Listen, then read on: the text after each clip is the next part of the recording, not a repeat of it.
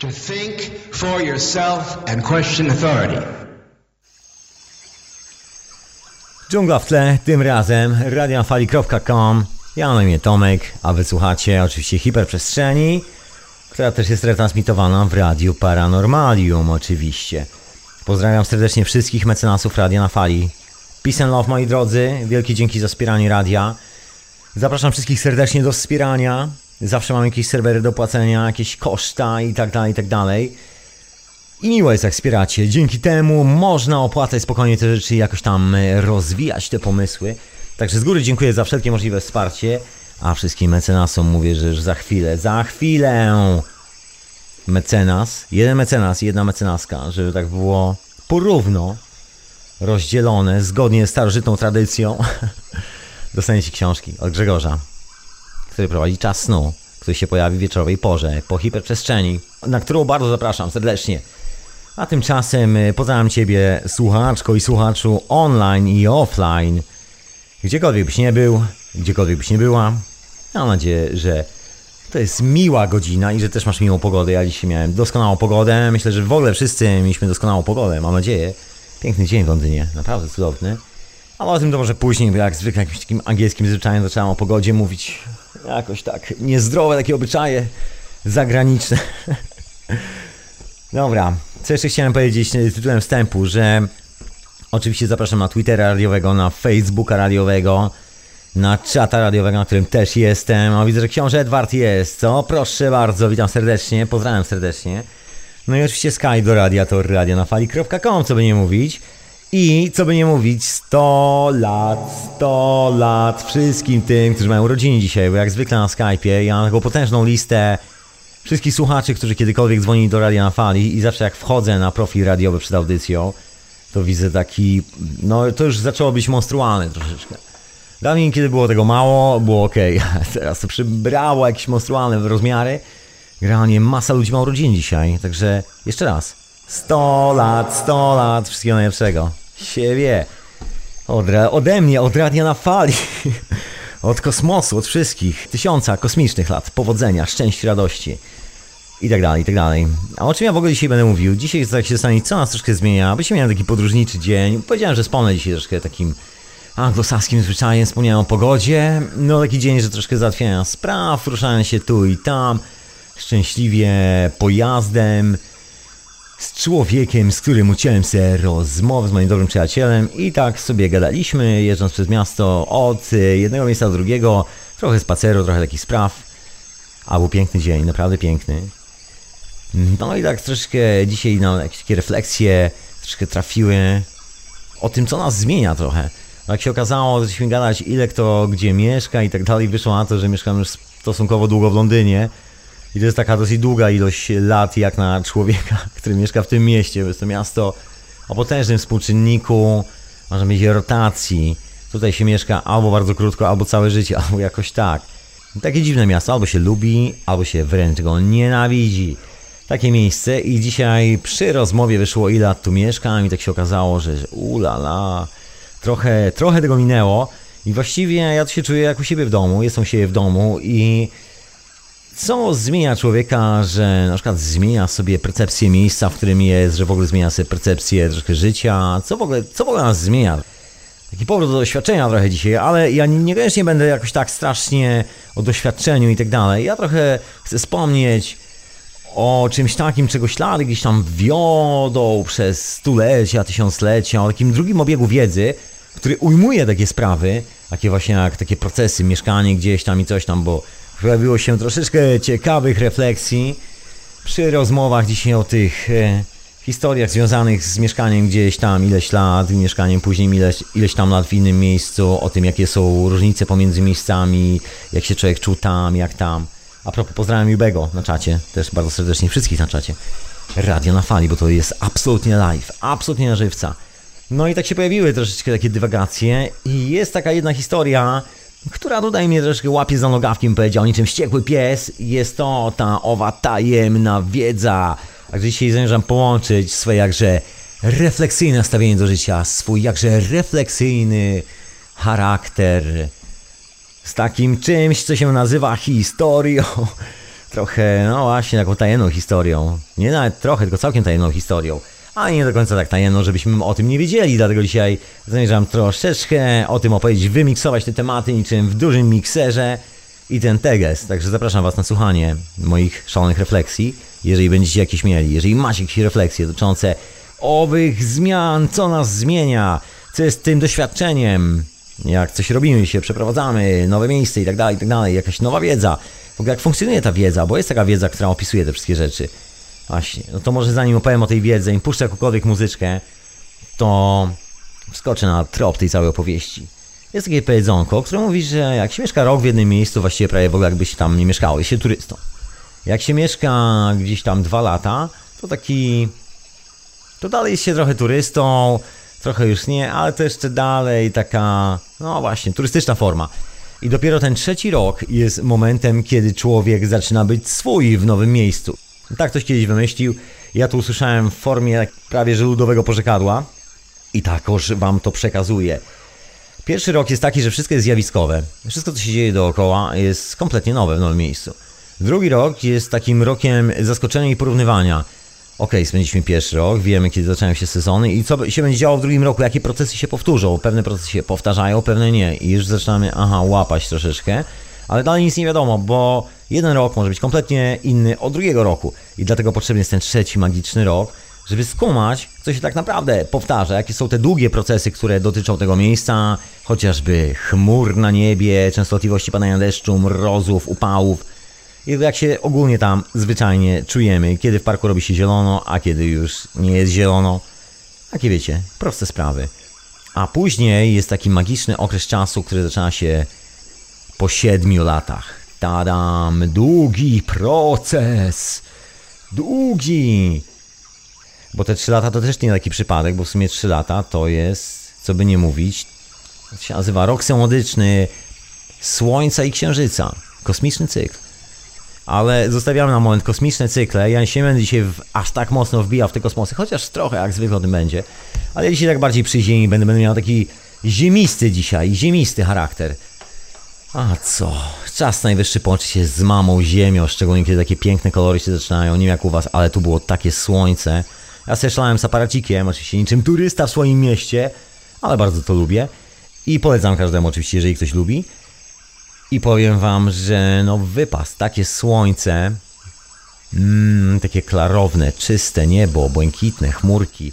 Dobra, okej, okay, koniec tej gadki, czas na jakąś muzyczkę moi drodzy, a później wrócę do refleksji, bo się zaczynam niczym rodowity anglosa, z którym oczywiście nie jestem, bo jestem chłopakiem urodzonym we Wrocławiu. Co by nie mówić. No. No ale właśnie z takim zwyczajem anglosaskim zaczynam się rozpływać w pogodzie. To już chyba czas najwyższy na muzykę. Zatem posłuchajmy płyta, płyta miesiąca, jak dla mnie płyta miesiąca. Trochę was pokatuję tą płytą.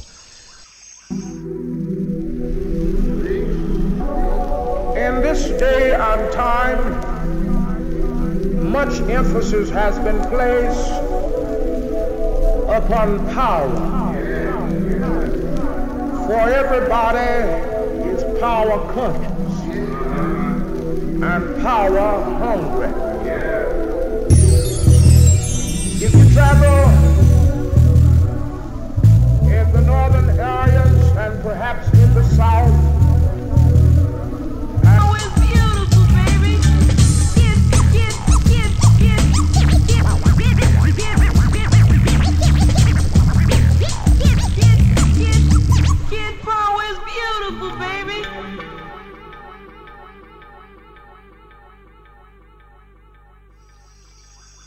Radio na fali, hiperprzestrzeń, ja na imię Tomek.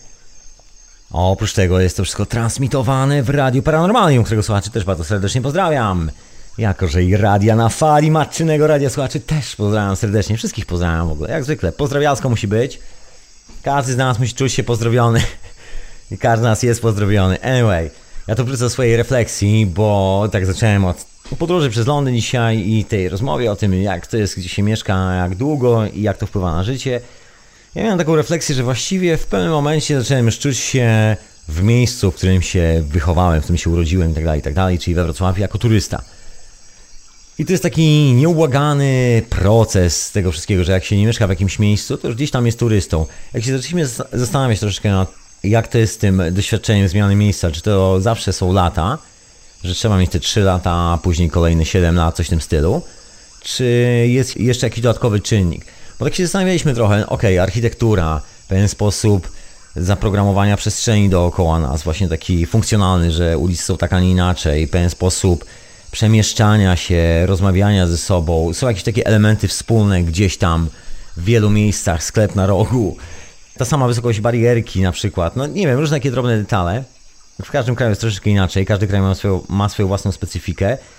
Gdzieś tam czasami bywa tak, że każdy z nas znajduje takie wspólne paralo połączenie pomiędzy miejscem, w którym aktualnie mieszka, chociaż wcale nie jest to miejsce, w którym się urodził, a miejscem, w którym się urodził, na przykład wychował i dorastał. I są jakieś takie wspólne elementy, które wszędzie wyglądają tak samo i zawsze wszędzie się człowiek łapie na tym, że wow, to jest tak jak właśnie w moim przypadku we Wrocławiu. Albo coś w tym stylu. Takie połączenie automatyczne. Jak widzę pewne anomalie, które są podobne dla wielu ekosystemów, w których dorastałem, mówiąc naukowym językiem. Tak. I się okazuje, że właściwie chyba miejsce nie za bardzo robi, bo tak się właśnie zastanawialiśmy na tym, czy to miejsce robi taki klimat, w ogóle skąd to się bierze. I się okazuje, że właściwie to są takie dosyć istotne czynniki, takie, że miejsce jest inne, że się inaczej funkcjonuje i tak dalej, i tak dalej, ale miejsce, jak się okazuje, może być sprawą drugorzędną. Istotne jest to doświadczenie, które powstaje podczas zmiany jednego miejsca na drugie. Tak zwyczajnie, kiedy przesuwamy się z punktu A do punktu B, no nie wiadomo jak długo, nie wiadomo jak, po prostu zmieniamy miejsce, w którym siedzimy, to wszystko, co się wydarza, dzieje się po drodze, a nie ani w punkcie A, ani w punkcie B. Tak, taki wniosek nam strzeli do głowy. I faktycznie, gdyby tak się zastanowić, to są miejsca, w których każdy z nas, no nie wiem jak wy słuchacze, ale akurat mój rozmówca też mieszkał w kilku miejscach w swoim życiu. I mieliśmy takie wrażenie, że właściwie są takie momenty, że mieszka się gdzieś wcale nie tak długo, wcale nie 3 lata, ale dzieje się tam coś takiego, następuje jakiś taki klik energetyczny, coś takiego strzał, pyk i jedzie po mózgu i ryje jakieś takie doświadczenie. I wszystko przyspiesza na tyle mocno, że okazuje się, że właściwie no jest troszkę jakbyśmy mieszkali tam 5 lat, a mieszkamy tam parę miesięcy albo coś w tym stylu. Jest taki przeskok doświadczenia i się okazuje, że sprowadziliśmy to do znajomości starych kątów, że człowiek czuje się u siebie w domu, bo zna na przykład wszystkie kąty. Wie, którędy iść na skróty, zna wszystkie takie przejścia, wie, gdzie jest dziura w płocie. Takie niby drobiazgi, prawda, ale te drobiazgi to jest taka idealna mapa terenu, że człowiek zawsze ma mapę, nigdy się nie gubi. A w nowym miejscu zawsze jest tak, że dzisiaj jak zwykle parkowaliśmy furę. W miejscu, w którym oczywiście mieszkałem w tym mieście, bo przez jakiś czas tam mieszkałem w okolicy, to jest dzielnica o nazwie Brixton. Dzielnica Boba Marleya, ta dzielnica jamańskiej społeczności, w ogóle karaibskiej społeczności i tak dalej, i tak dalej, i tak dalej. Teraz stosunkowo modna imprezowa dzielnica, jak kilka takich miejsc w Londynie. Oprócz tego genialny market, czyli taki duży targ warzywny. Miejsce jest rewelacyjne. Słuchajcie, jeżeli mieszkacie w Londynie albo bywacie tu czasami i chcecie sobie kupić coś do jedzenia, gotujecie i chcecie poeksperymentować, w ogóle zobaczyć jak wygląda jedzenie z tego świata, tak w praktyce i w ogóle dowiedzieć się czegoś o tym jedzeniu, to zapraszam na Brixton Market. Możecie podejść bezpośrednio do każdego z tych sprzedawców i spytać się, co to jest i co się z tym robi, bo wygląda to kosmicznie. I on wam powie, łącznie z paroma przepisami na to, a jeżeli nie on, to zaraz ktoś obok wam powie, co to jest i jak to najlepiej przygotować. Jest to rewelacyjna historia i wypas jest, no nieprzeciętny, znaczy wypas. W sensie owoce, które wyglądają tak egzotycznie, że za każdym razem jestem zaskoczony czymś nowym, czymś, co rośnie gdzieś w części świata, o której istnieją, nie miałem do tego pojęcia i jest na niesamowicie smaczne i tak dalej. Też taki sklepikarski się zrobiłem. Chodzi o koloryt, do tego zmierzam. I tak sobie szliśmy i stwierdziliśmy, że właściwie miejsce jak miejsce, bo każde miejsce jest trochę inne, ale jest ten kawałek czegoś, co powoduje, że człowiek gdzieś czuje się bardziej u siebie, a gdzieś już troszeczkę mniej, że nie można być w dwóch miejscach na przykład naraz. Jest to takie klasyczne doświadczenie, które no właśnie stoi w troszeczkę takiej opozycji do takiego standardowego myślenia, że człowiek wrasta niczym drzewo korzeniami gdzieś tam w jakieś miejsce i zmusza nas do identyfikowania się z jakimś konkretnym polem, jakąś konkretną przestrzenią, konkretną miedzą. Jest to niesamowicie przyjemne i sympatyczne. Jeśli tak się po drodze zastanawialiśmy troszkę, co by było, gdybyśmy no postanowili, nie wiem, gdyby któryś z nas postanowił zakupić jakąś nieruchomość albo coś w tym stylu, tak się zastanawialiśmy, co byśmy, że tak powiem, uderzyli, co nam się wizualnie podoba. To nie chodzi o jakieś tam wypasy, tylko to zrobiliśmy sobie taką zabawę troszeczkę, okej, dobra, jeżeli mielibyśmy zainwestować kawał życia w kawałek cegły, który gdzieś tam stoi, to w jak wyglądający i w jaki kawałek cegły. Od razu wszelkie apartamenty, takie rzeczy odeszły od razu w kąt, od razu odleciały. Ja sobie przypomniałem o swoim takim ulubionym charakterze, może dlatego, że właśnie z Wrocławia, to jest taki też podobny charakter do Londynu, tylko że w Niemczech to się nazywało Liebenstein, tutaj i w Europie się nazywało Art Nouveau, już później troszkę modernizm, takie wiecie, troszkę pomiędzy Bauhausem a modernizmem, coś w tym stylu. Tutaj jeszcze do tego jest miksowany cały ten wiktoriański styl i to tak troszkę wygląda taki neogotyk do tego wszystkiego. Taki śmietnik kompletny można powiedzieć. Taki miało być futurystycznie, ale jest tak w ogóle bajkowo. Jest, jest miło. Tak czy siak ja to bardzo lubię. Taki wiktoriański styl z poprzedniego wieku. Powiem wam szczerze, jak sobie pomyślałem o mieszkaniu w jakimś miejscu, to czymś takim, co ma taki charakter. Jest taką wiktoriańską, prawdziwą chatą, kamienną, ceglaną, sprzed 200 albo 150 lat, e, ze wszystkimi oczywiście mankamentami, tym, że ona jest diabelnie zimna i trzeba ciągle to remontować i ciągle coś z tym trzeba robić i tak dalej, i tak dalej. Taka refleksja, słuchajcie, tak nas pognało troszeczkę, co by było gdyby, prawda? Tak sobie pozwoliliśmy na taką jazdę do przodu.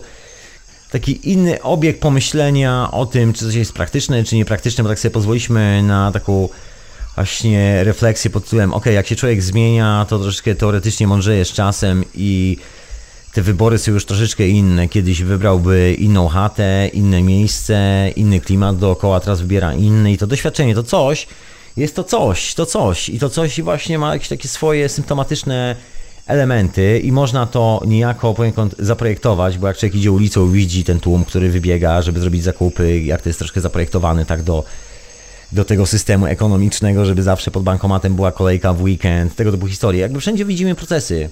Ja wszędzie widzę procesy, nie wiem jak wy, mam nadzieję, że podzielacie moją opinię i nie wytargacie mnie za ucho. Tak czy siak, jest coś takiego, co jest nieopisywalne w sensie doświadczenia, nie wiem, w książkach, cywilizacyjnego doświadczenia, przekazywanej informacji o tym, że życie jest takie, jakie jest i tak dalej, i tak dalej. Są oczywiście takie stare powiedzonka pod tytułem, że w marcu jak w gartu i tak dalej, ale z tymi powiedzonkami jest jeden problem, pochodzą bardzo często z miejsca, z którego tych ludzi przesiedlono parę tysięcy kilometrów w zupełnie inne miejsce, inny mikroklimat i nagle okazało się, że połowa powiedzonek ludowych ze wschodu Polski we Wrocławiu już nie działa na przykład, bo są to powiedzonka kogoś gdzieś tam z Lwowa i tam troszkę inaczej wyglądają pory roku i trochę inaczej wyglądają te historie. A na Dolnym Śląsku mikroklimat jest zupełnie inny. Wiadomo, że jest coś takiego. No i słuchajcie, jest taka ciekawa historia, która jest związana w ogóle z nauką. Ja tu mówiłem dzisiaj, że będę miksował takie indywidualne doświadczenie, takie wiecie, prywatne rozmowy i rozkminki podczas bujania się po mieście z y, takim naukowym tropem trochę. Więc naukowy trop to drugi obieg wiedzy, tak to można nazwać. No ślady po tym są wszędzie dosyć widoczne. Ja tu często w hiperprzestrzeni opowiadam różne takie, nie wiem czy mrożące krew w żyłach historie, ale różne historie zabytkowe bym powiedział. O teleskopach, o tym co się działo z tajemnymi księgami. Ja dzisiaj troszkę wspomnę o tych wszystkich rzeczach. No może nie o wszystkich, ale o niektórych z nich. Bo to właśnie jest taki drugi obieg. Bo kiedy się człowiek zagłębia troszeczkę w te informacje, to się okazuje, że właściwie gdzieś ślad tego wszystkiego, tego, że gdzieś w jakimś miejscu po trzech latach nabieramy już właściwie tego miejsca, a po siedmiu latach mieszkania w tym miejscu jesteśmy już z tego miejsca. I cokolwiek byśmy chcieli powiedzieć, że tam pochodzimy skądś, no jasne, no nie no, pochodzimy skądś, ale już właściwie jesteśmy z tego miejsca. Ja to chyba jestem już po prostu stąd, z tego miasta. Przynajmniej na dzisiejszy czas. Jeżeli się przeprowadzę, pomieszkam troszeczkę w innym miejscu, to będę z innego miejsca. Jest taka informacja, która jest sklejona z taką naukową historią przy tym całym refleksyjnym, zadumanym y, koncepcie, który tak przedstawiam z tej dzisiejszej rozmowy. Mianowicie drugi obieg wiedzy, który mówi o tych procesach, mówi o tych księżycowych procesach. No nie na darmo dzisiaj wspomniałem o tej historii związaną z rokiem synodycznym Słońca i Księżyca. To jest te pierwsze trzy lata, zdaje się, z kawałkiem. Musiałbym sprawdzić dokładnie. Przepraszam, nie mam w tym momencie precyzyjnych notatek, ale proszę sobie sprawdzić rok synodyczny Słońca i Księżyca. I to jest ten pierwszy okres. I tam jest później odliczanie, odliczanie, odliczanie, odliczanie.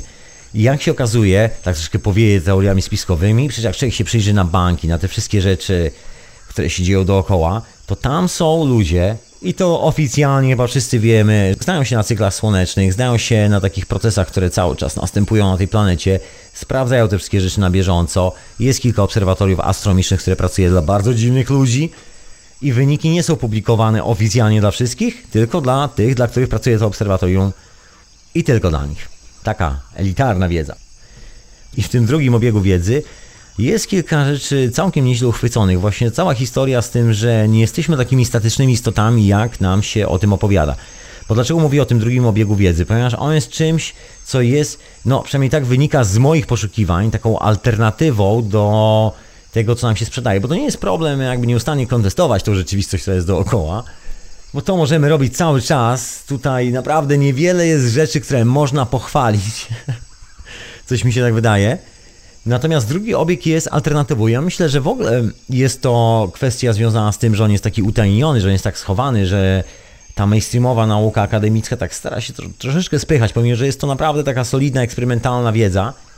To właśnie dlatego, że jest to taka bezkompromisowa wiedza. Ten drugi obieg jest taki, no czysty, ciężko go skorumpować. On jest korumpowany, bo są te historie związane z czarnymi projektami, są te wszystkie historie, tak, tak, tak, z tymi silnikami plazmowymi, które dopiero po 30 latach zostały oficjalnie opublikowane, w sensie NASA się przyznała, że faktycznie ma.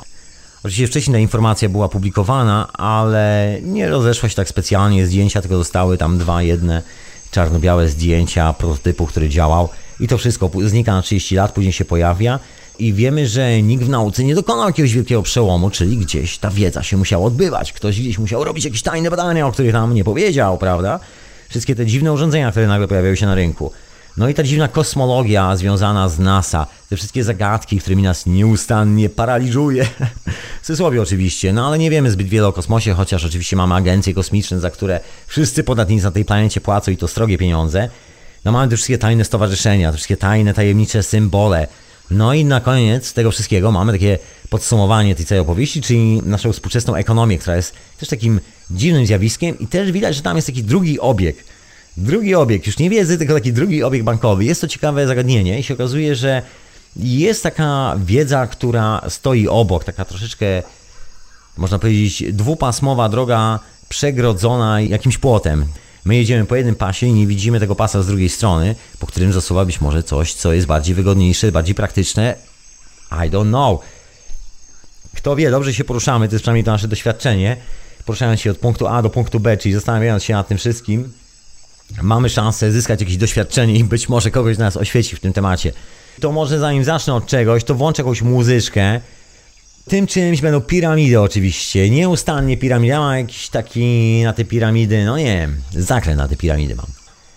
No ale też jest to tak intrygująca historia, że jak zwykle nie ominie was to, żebym się z wami nie podzielił po raz kolejny, kolejną porcją swoich rozmyślań na temat tych dziwnych, tajemniczych budynków.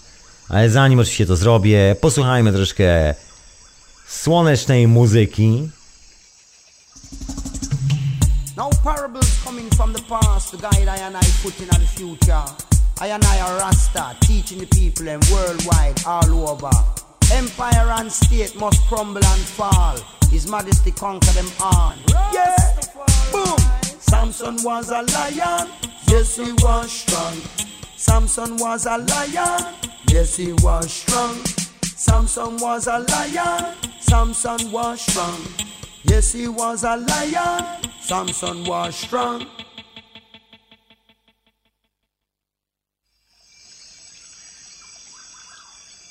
radionafali.com Hiperprzestrzeń Retransmitowana też w radiu paranormalium.pl Tymczasem, tymczasem wracam do swojego szalonego tematu dzisiaj do takich dwóch w ogóle, żeby powiedzieć, kosmicznie odległych od siebie wątków, a mimo wszystko jak dla mnie to jest jedna i sama historia.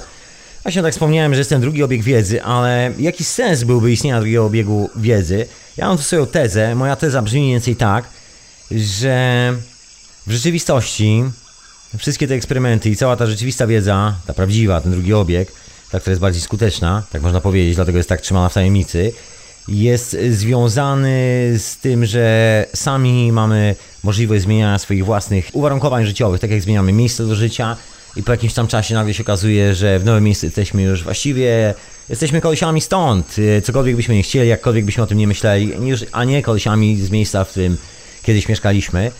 Jednym słowem mówiąc, jesteśmy sami sobie okrętem, żeglarzem i sterem. Samodzielnie jest to taki naturalny cykl, jest to taka naturalna predyspozycja, że jesteśmy niezależni.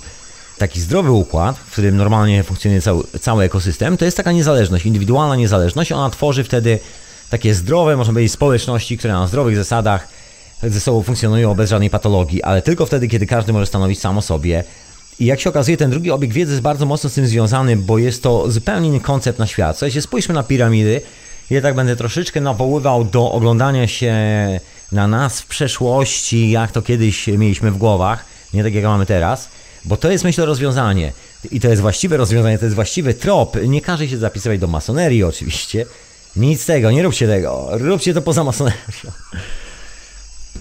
Tak sobie myślę. No.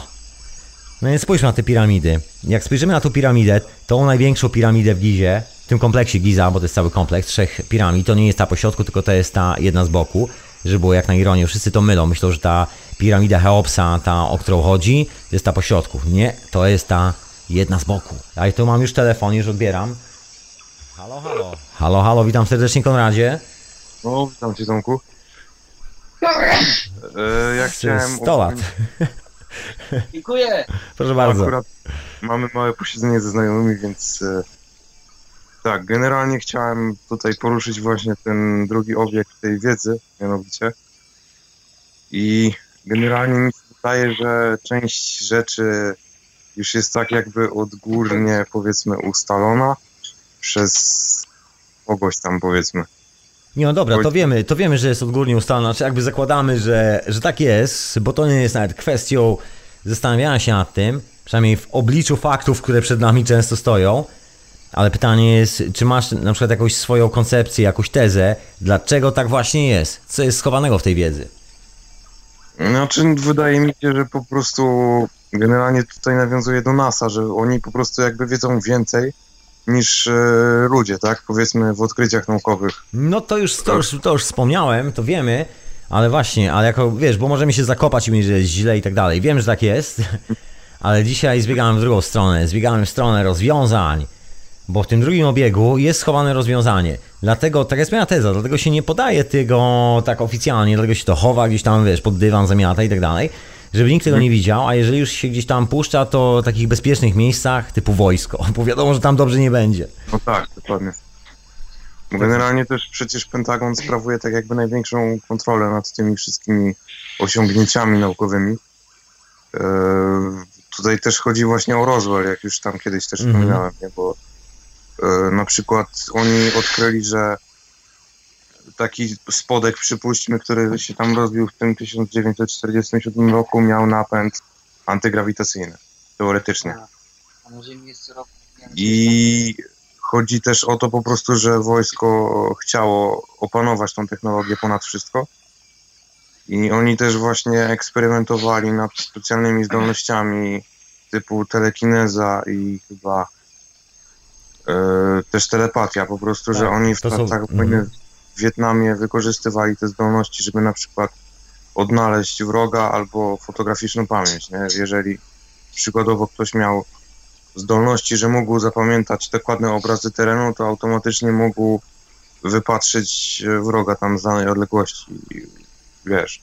Tak, to są te słynne eksperymenty robione w kosmosie z kosmonautami, którzy mieli tą talię kart i tą ekipą ludzi na Ziemi, która miała dokładnie taką samą talię kart. Że tam gdzieś w hiperprzestrzeniach, dawno, dawno temu jest o nich, troszeczkę więcej, o telepatii w tym odcinku.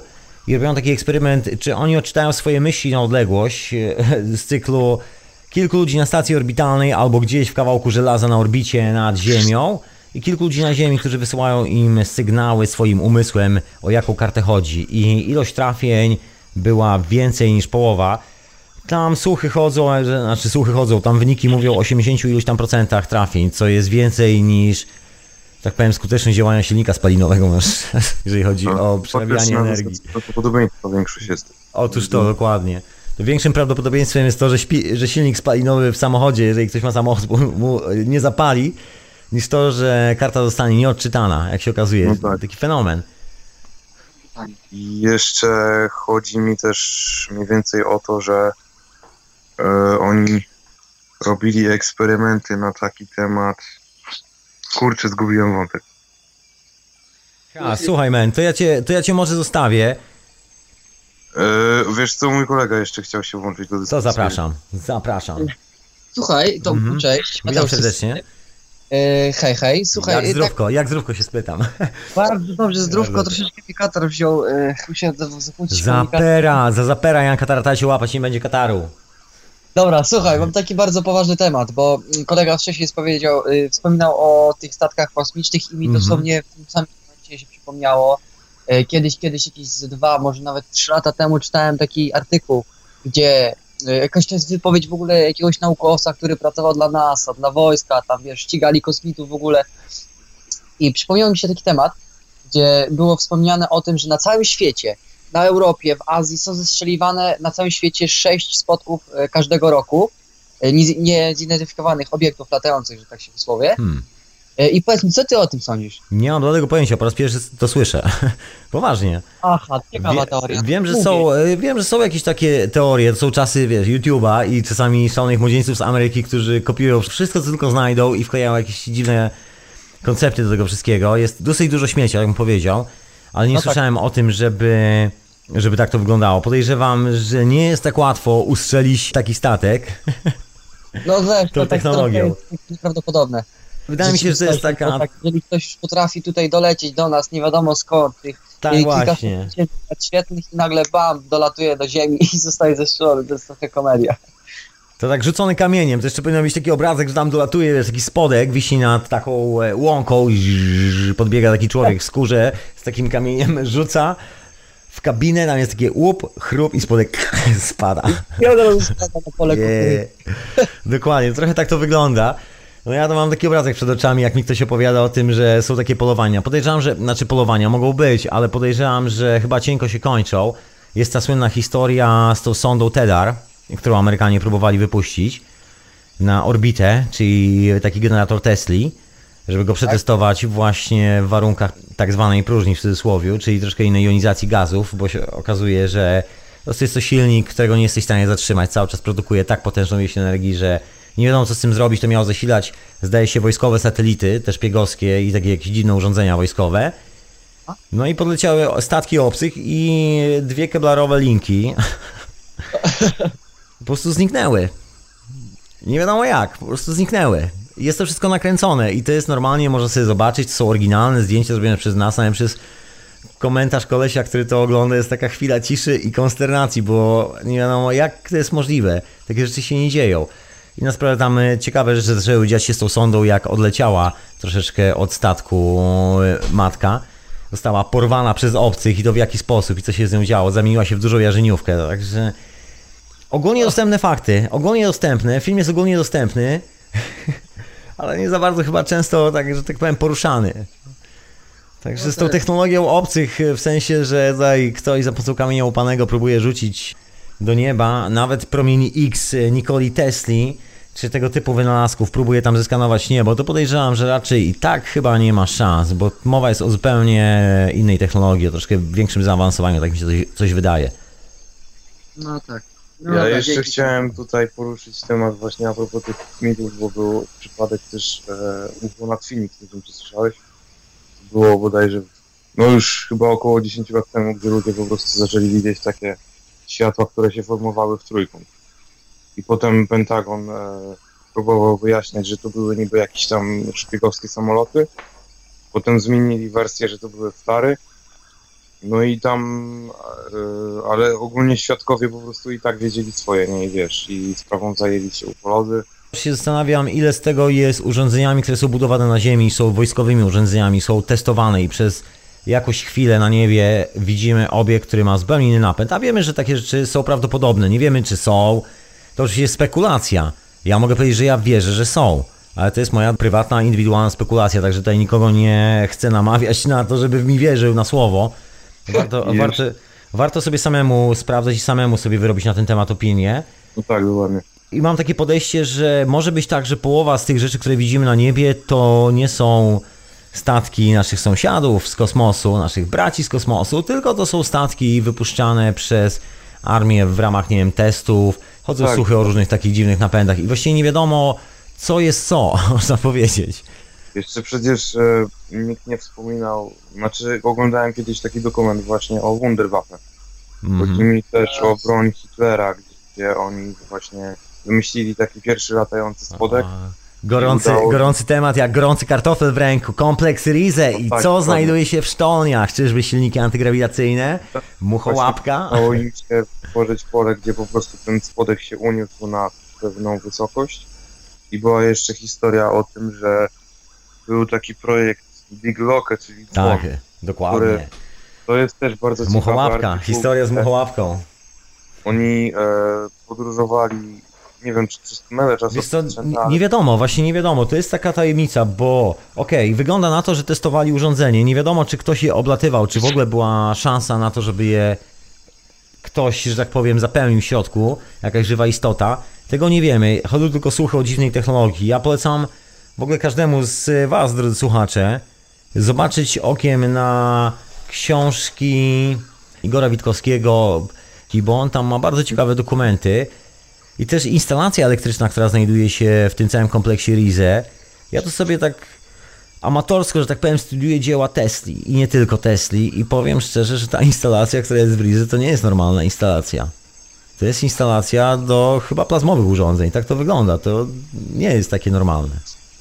Znaczy jest normalne, ale do zupełnie czegoś innego, do tego o czym Tesla mówił. Tak, to by się zgadzało. Chłopaki doskonale okablowali cały ten kompleks.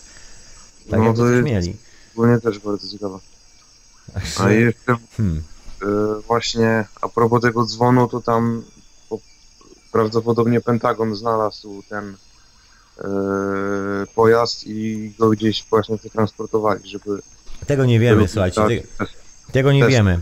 To są, to są podejrzewam spekulacje. Ja bym tak się powstrzymał z tymi spekulacjami i tutaj raczej stają takie twarde fakty i raczej konsekwentnie sprawdzał dokumentację techniczną z tym, co. Znaczy istniejących takich urządzeń typu na przykład Free Energy, troszkę z Nikoli Tesli, trochę Wiktora Schaubergera, tego typu sprawy.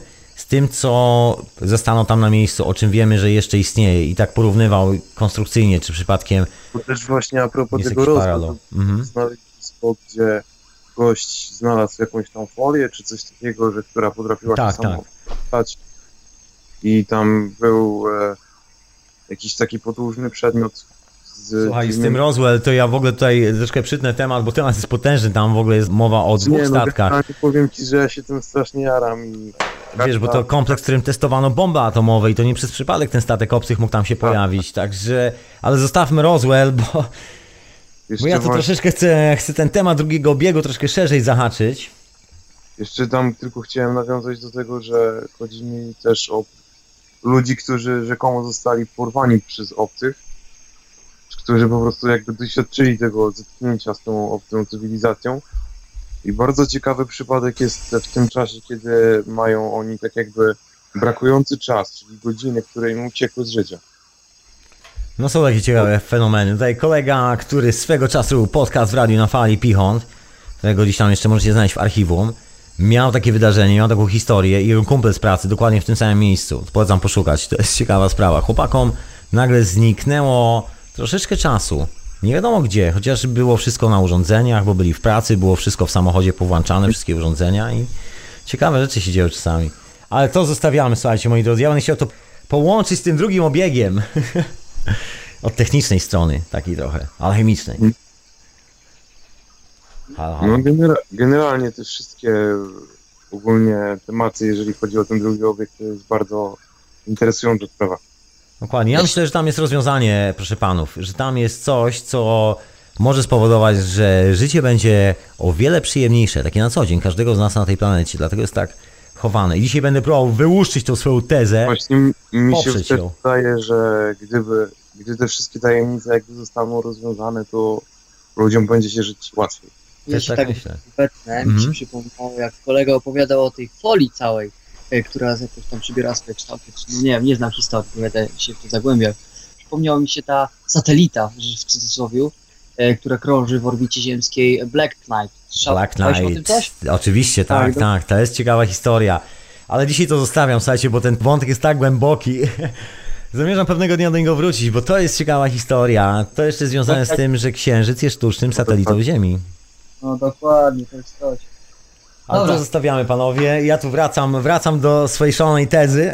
Dzięki Tomku! Dzięki wielkie za telefon, trzymajcie się. No na razie. No tak jak mówili dżentelmeni przed chwilą przez telefon, dokładnie tak te sprawy się kleją. Ja troszkę przyciąłem te wątki, ale nie dlatego, że one się nie kleją do siebie, tylko dlatego, że są po prostu duże, a dzisiaj tak troszkę z boku będą alchemikach. Ale myślę, że tak czy siak zahaczę o nie. Jak nic, słuchajcie, mowa o tych kosmicznych historiach, no nie? UFO, te sprawy, coś co lata na niebie.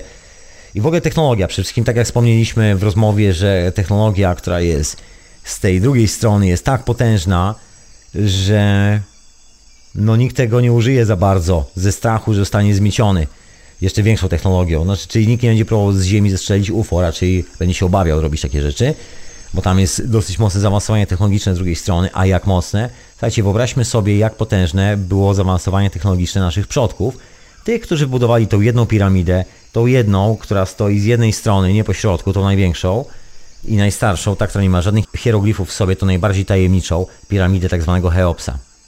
I teraz, co z tą piramidą? Ona ma proporcje ziemi.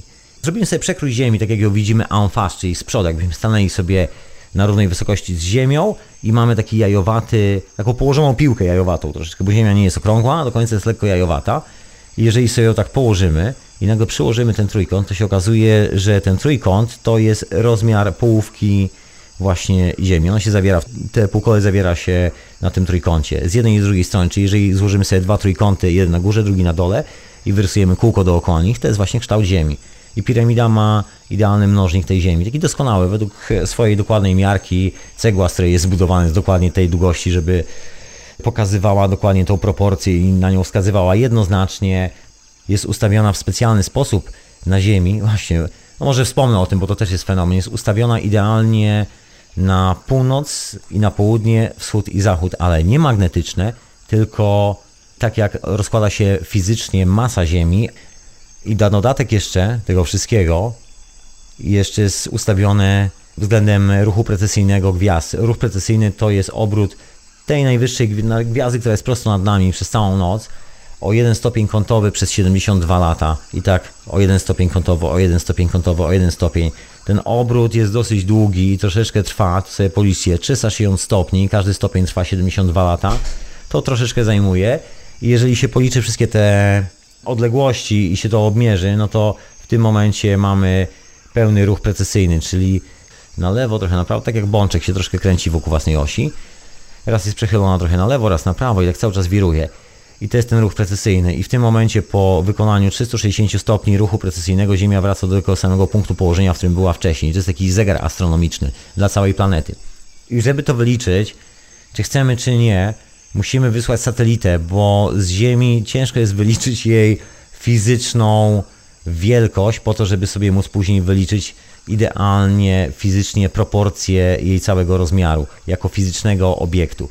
Trzeba mieć technologię, która pozwala lata, latać w kosmos, mierzyć sobie Ziemię w taki sposób, w jaki my zaczęliśmy mierzyć Ziemię jako cywilizację dopiero w latach 50. Tam w latach 40. były pierwsze przymiarki, ale taka prawdziwa historia wydarzyła się w latach 50. i 60. Dopiero wtedy poznano ruch precesyjny Ziemi, w ogóle go odkryto, bo wcześniej nie wiadomo było, co to jest. Wiadomo było, że tak nie do końca jest stabilna Ziemia. Nie, nie wiadomo, czy to się tak po prostu spontanicznie, czy jakoś tam inaczej. Były różne hipotezy, a później się okazało, że to jest taki stały proces, ruch precesyjny. Fenomenalna sprawa i to jest ta kosmiczna wiedza, którą mamy zakodowaną w piramidach. Tam jeszcze jest ta historia z bośniackimi piramidami, to jest takie fascynujące. Bardzo kontrowersyjny temat, bo z jednej strony rząd aktualnie w Bośni zakazał kopania na tych piramidach i robienia jakichkolwiek wykopalisk archeologicznych. Powaga. Nie wiem, czy się przestraszyli, czy coś. Tam jest drugi obieg, właśnie to jest ten drugi obieg wiedzy. To jest ta wiedza, o której się nie mówi w szkole, która jest gdzieś tam z boku. Ona nie jest jakoś strasznie ciężko dostępna, to nie jest jakaś tajemnica pochowana po kątach, tylko zawsze trzeba zboczyć z tego głównego nurtu, tego głównego szlaku, zejść sobie troszeczkę na bok i takimi ścieżeczkami pochodzić. Się okazuje, że masy książek, masę wiedzy na ten temat, dużo ludzi chce się dzielić tą informacją, bo jest ona taka no zjawiskowa, bym powiedział, przynajmniej w języku angielskim. Jest naprawdę sporo tego, jest potężna ilość opracowań na ten temat. No ja też poniekąd właściwie opowiadając o tym i zastanawiając się nad tym, robiąc jakieś tam rysunki, siedzę i też poniekąd nad tym pracuję. Może coś kiedyś mądrego wymyślę, a może nigdy nie wymyślę nic mądrego. Może ktoś z Was to wymyśli, kto to wie. No i wracając do tej piramidy w Bośni, tam jest taka kontrowersyjna sprawa, że właściwie odkryto te kamienne płyty na zboczu piramidy, ale kamienne płyty mają charakterystykę betonu. Jest taki specjalny rodzaj betonu, który robiono jakieś 3-4 tysiące lat temu. Taki dziwny bazaltowy beton. Rzymianie już później troszkę zmienili tą technologię. Zresztą jest dalej podobna, to się niewiele aż tak zmieniło, dlatego często przez archeologów jest mylone właśnie z rzymskim cementem i betonem właściwie. Sobie robili chłopaki, mieli odpowiednie składniki, z odpowiednimi minerałami, robili z tego pierwsze mieszkania z wielkiej płyty, można powiedzieć. Przynajmniej podłogi z wielkiej płyty. No i tam jest taka dyskusyjna historia, że jedni się kłócą, ci konserwatywni archeolodzy, że to prawdopodobnie są pozostałości jakiejś rzymskiej cywilizacji, ale wiadomo, że warstwa geologiczna wskazuje, że no musi być to o wiele starsze. I teraz szczęśliwie okazało się, że gdzieś w kilku miejscach odnaleziono gdzieś w Syrii, czy jakoś tak, resztki jakichś starych budynków z jeszcze bardziej starym cementem, jakieś 3-4 tysiące lat do tyłu od tego momentu, bo dawniej myślano, że Rzymianie czy jakieś tam 2000 lat z kawałkiem, ten cement, a tu się okazuje, że on jeszcze wcześniej był znany i używany i że jego struktura jest bardzo podobna poniekąd do, znaczy bardzo, no jest bardzo podobna do tej struktury cementu i betonu w tej piramidzie w Bośni, tej piramidzie Słońca, zdaje się, tak to się, wysoko, tak to się nazywa. I człowiek, który to badał, taki geolog, zapomniałem w tym momencie jego nazwiska, badał to przez parę lat, to jest taki spec od geologii, to jest jeden z tych profesorów, który tam siedzi na uniwersytetach i w ogóle ma tytuły naukowe jest taki bardzo fifarafafam i tak dalej i on tam nie odpuszcza.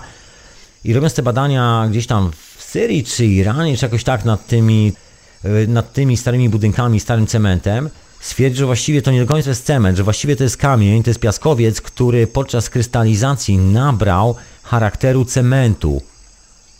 Wow, i stwierdził oficjalnie, że to co wcześniej twierdził, że jest to rzymska podłoga, jest już nieaktualne, ponieważ właściwie odkrył kamień, który dokładnie koroduje w ten sposób, bo jest to rodzaj korozji, jakby krystalizacji się materiału, w taki sposób, że no dokładnie zamieni się w taką skałę. No i się okazuje, że tą piramidą jest właśnie taki, że tak powiem, kontrowersyjny spot, kontrowersyjny punkt, w którym no nie wiadomo jak to ugryźć. Inna sprawa, że są tam oczywiście tunele jak to się głośno mówi pod piramidą, ale one nie są pod piramidą, one są 3 km od piramidy i one są no ogólnie znane tam w rejonach, to legendy o nich chodziły, to nie jest aż takie nowe, aczkolwiek tak czy siak ten cały site archeologiczny wygląda bardzo no ciekawie i bardzo atrakcyjnie i może być bardzo, bardzo, bardzo stary. Tego nikt nie wie.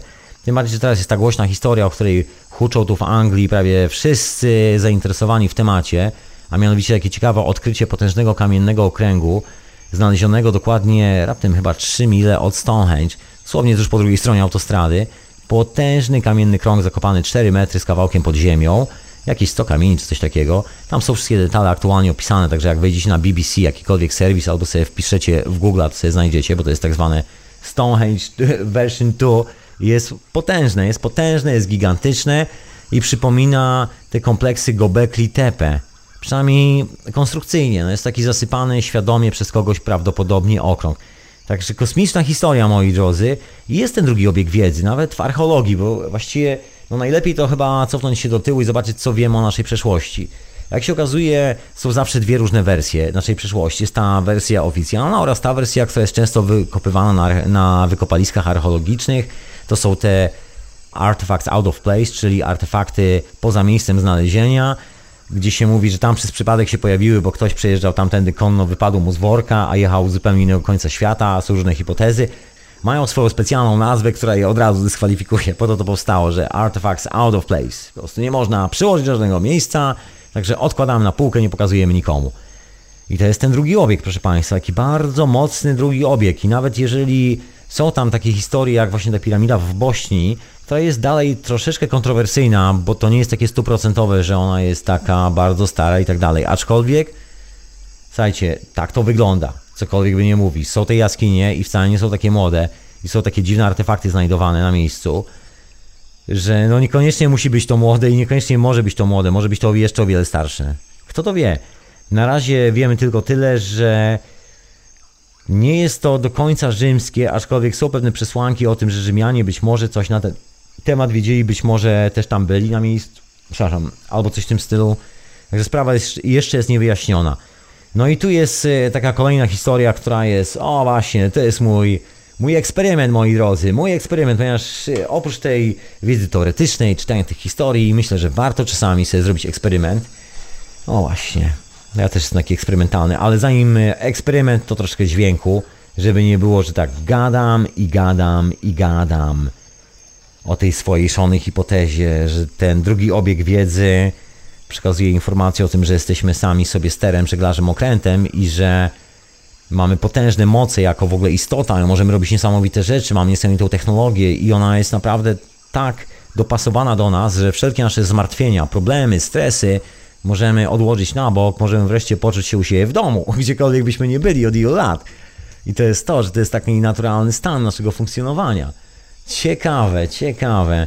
I dzisiaj bronię tej tezy z twardą klatą wypiętą do przodu, e, dumnie wypiętą do przodu. To posłuchajmy sobie muzyczki. Siebie.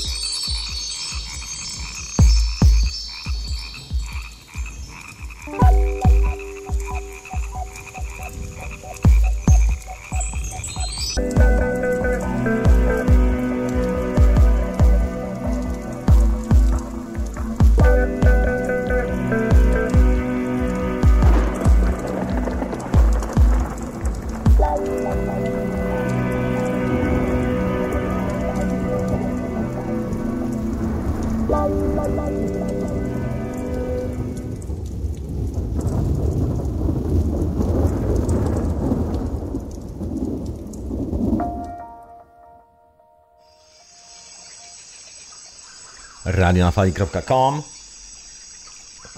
Hiperprzestrzeń, mam e, miętową herbatę i na imię Tomek. To co, wracam do tematu oczywiście, wracam, wracam. Popowiem wam o swoim eksperymencie związanym właśnie troszeczkę z tymi starożytnymi, zabytkowymi konstrukcjami, ale może mniej związanymi z Egiptem, ale bardziej z Ameryką Południową. Znaczy jest tam znajdowane masę przedziwnych, można powiedzieć piramid, się można powiedzieć platform, to też czasami jest używane, bo w Ameryce Południowej właśnie dużo tych obiektów wygląda jak platformy. Takie potężne platformy na takich potężnych, wystających, no nie wiem, no, słuchajcie, widzieliście na pewno takie rzeczy, jak wygląda to w Ameryce Południowej. I no ciężko mi to opowiadać w, e, przez radio, przez mikrofon. No po prostu piramidy z Ameryki Południowej, z takimi dużymi platformami, takie potężne kompleksy. Jest tego ponoć masa jeszcze w dżungli, nikt głośno o tym nie mówi. Tam rabusie cały czas chodzą, szczególnie w Gwatemali. Cały Yucatan jest czymś takim, że tak powiem, wypchany po brzegi, gdziekolwiek się nie wbije łopatę, no to znajduje się tam dokładnie coś takiego.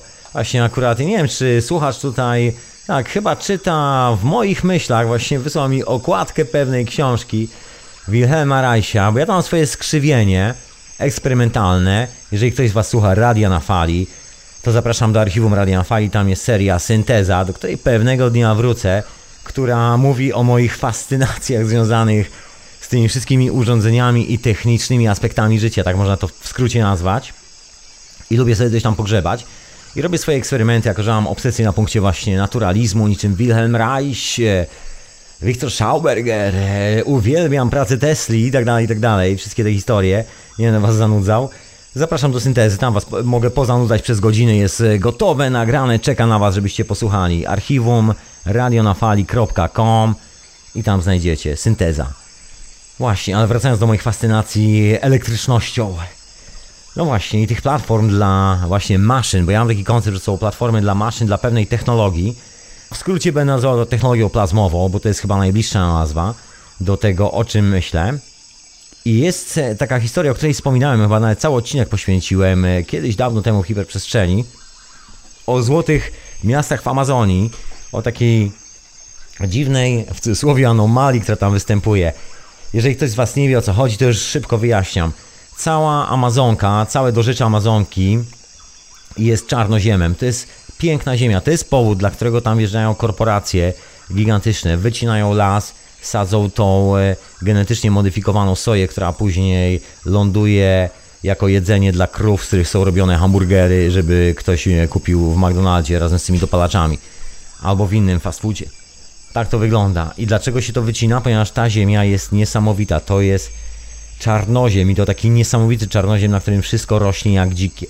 No i znaleziono takie dziwne ślady tego czarnoziemu w bardzo wielu miejscach i to bardzo daleko od y, rzeki zwanej Amazonką i zacząłem to śledzić temat. I się okazuje, że ktoś dawno, dawno temu, nie wiadomo kiedy, znaczy są tam przypuszczenia, bo można datować, jest to materiał organiczny, wykonał taką sztuczkę, że piasek, bo cała właściwie Ameryka Południowa, to do rzeczy Amazonki, to jest piasek. Pod tym czarnoziemem jest zwyczajny piasek, na którym nic nie urośnie. I ktoś w jakiś cudowny sposób na tej całej powierzchni wywalił do 3 metrów czarnoziemu i to takiego sprytnego czarnoziemu, który zawiera takie bakterie i takie przede wszystkim kultury bakterii, że zamienia każdą jałową glebę w czarnoziem. Tak sam siebie jest jak grzyb, który infekuje wszystko.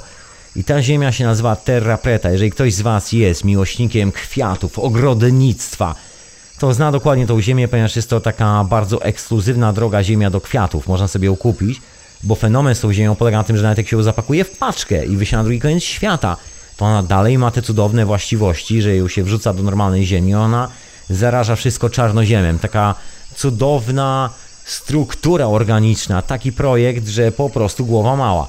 Ja postanowiłem sprawdzić, jak to wygląda. Przeczytawszy sobie książkę Messie Lakowskiego, to jest taki pan od wolnej energii. Tu odsyłam wszystkich do syntezy, właśnie do tego podcastu. Sorry, że tak was odsyłam. Być może do takich technicznych spraw, ale lepiej tam opowiedziałem o tym dżentelmenie i więcej.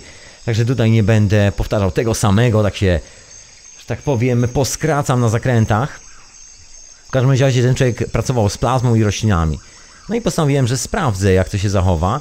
I porobiłem kilka modyfikacji z ziemią w doniczce. Wziąłem taką zwyczajną, kiepską, strasznie woraną ziemię z ogrodu, która naprawdę nie jest czarnoziemem, jest taką bardzo słabą ziemią wymieszaną trochę z piaskiem.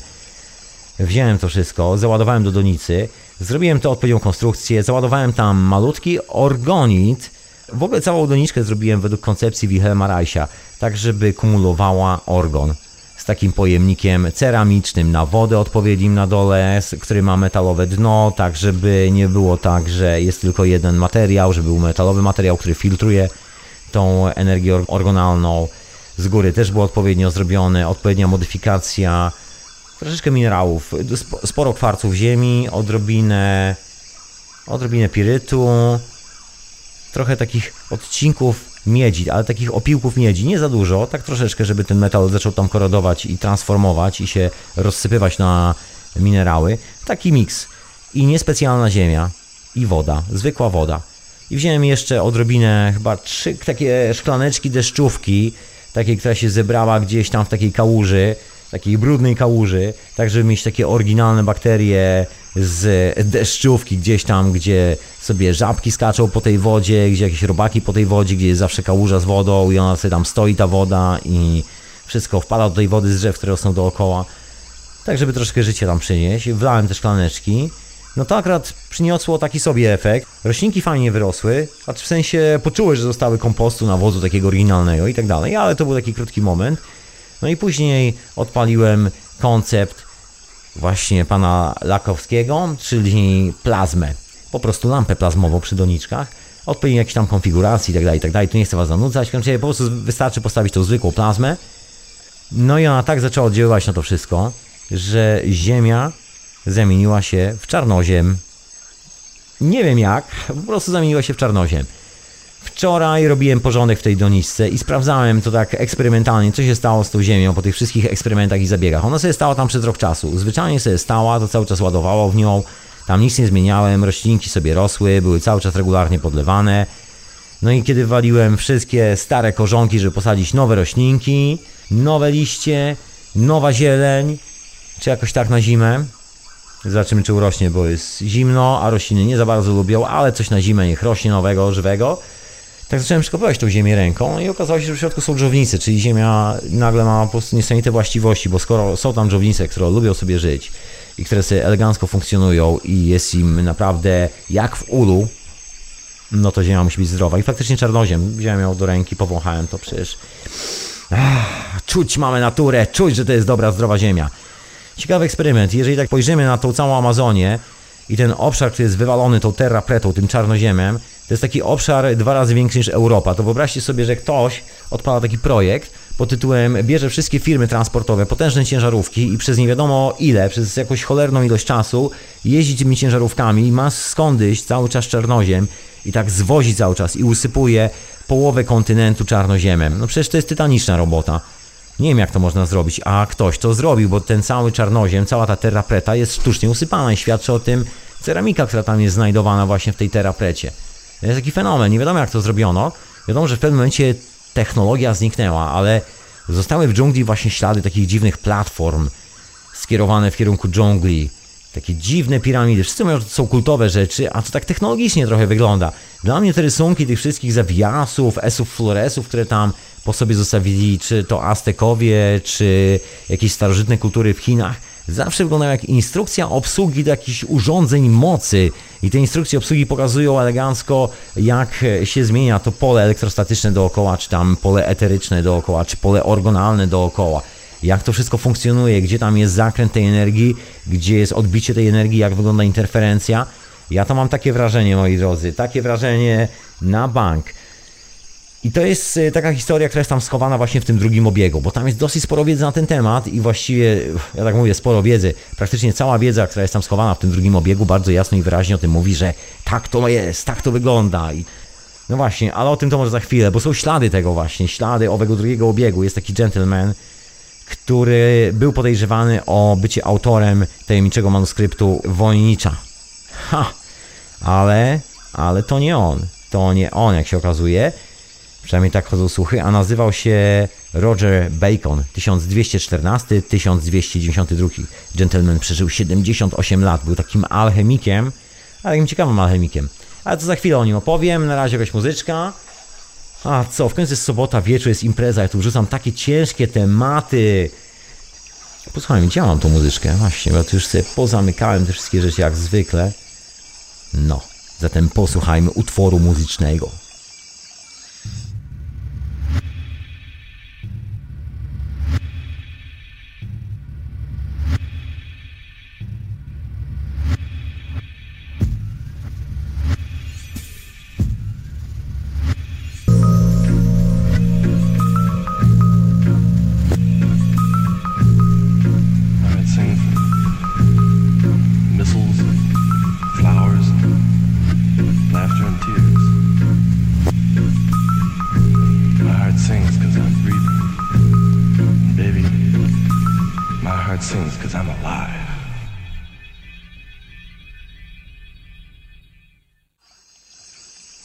Hiperprzestrzeń w radiu na fali oczywiście.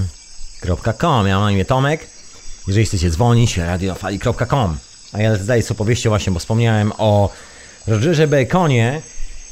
Ciekawa postać, słuchajcie, naprawdę intrygująca. Co takiego intrygującego? No poza tym, że oczywiście jak wszyscy w tamtych czasach był duchownym, franciszkanin i tak dalej. Ale za chwilę wyjaśnię dlaczego. Kiedyś mówiłem o tym, ale to wspomnę jeszcze raz. I pracował e, jako, no właściwie, może powiedzieć, naukowiec na Oksfordzie. Tam później się pożarł z kolesiami, musiał wieźć do Paryża. Później pisał pracę, którą przedstawił bezpośrednio papieżowi, chociaż właściwie nie powinien tego robić i zamiast go spalić na stosie. Okazało się, że wszystko jest ok, że wysłano go z powrotem do Oksfordu z takim wsparciem papieża, także ciekawy gentleman, robił bardzo ciekawe badania naukowe. Przez te swoje 78 lat życia, od chyba 18 roku życia już właściwie poświęcony, dedykowany nauce. On doktorem został mając 26 lat, czy coś koło tego i od tamtej pory już tylko i wyłącznie laboratorium i eksperymenty. Laboratorium i eksperymenty, bardzo dziwne eksperymenty. Dlaczego nie mówię? No, Poza tym, że oczywiście był alchemikiem i miał dostęp do bardzo różnych ksiąg, bardzo dziwnych ksiąg. Facet był zafascynowany całą wiedzą, która przetrwała dzięki właśnie Arabom.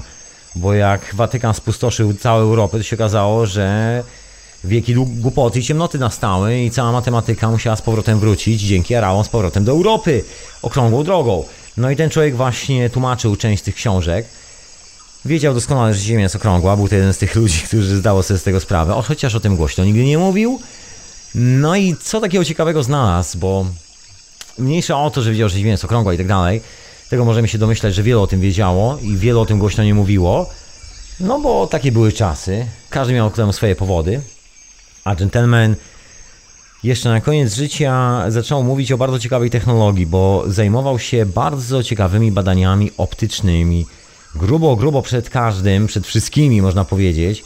No nie tylko optycznymi, bo zajmował się właściwie badaniem świata, można powiedzieć, to takim konkretnym badaniem fal, interferencji, różnych takich dziwnych zjawisk i tego, jak to wszystko się zachowuje, jak cała natura pracuje ze sobą.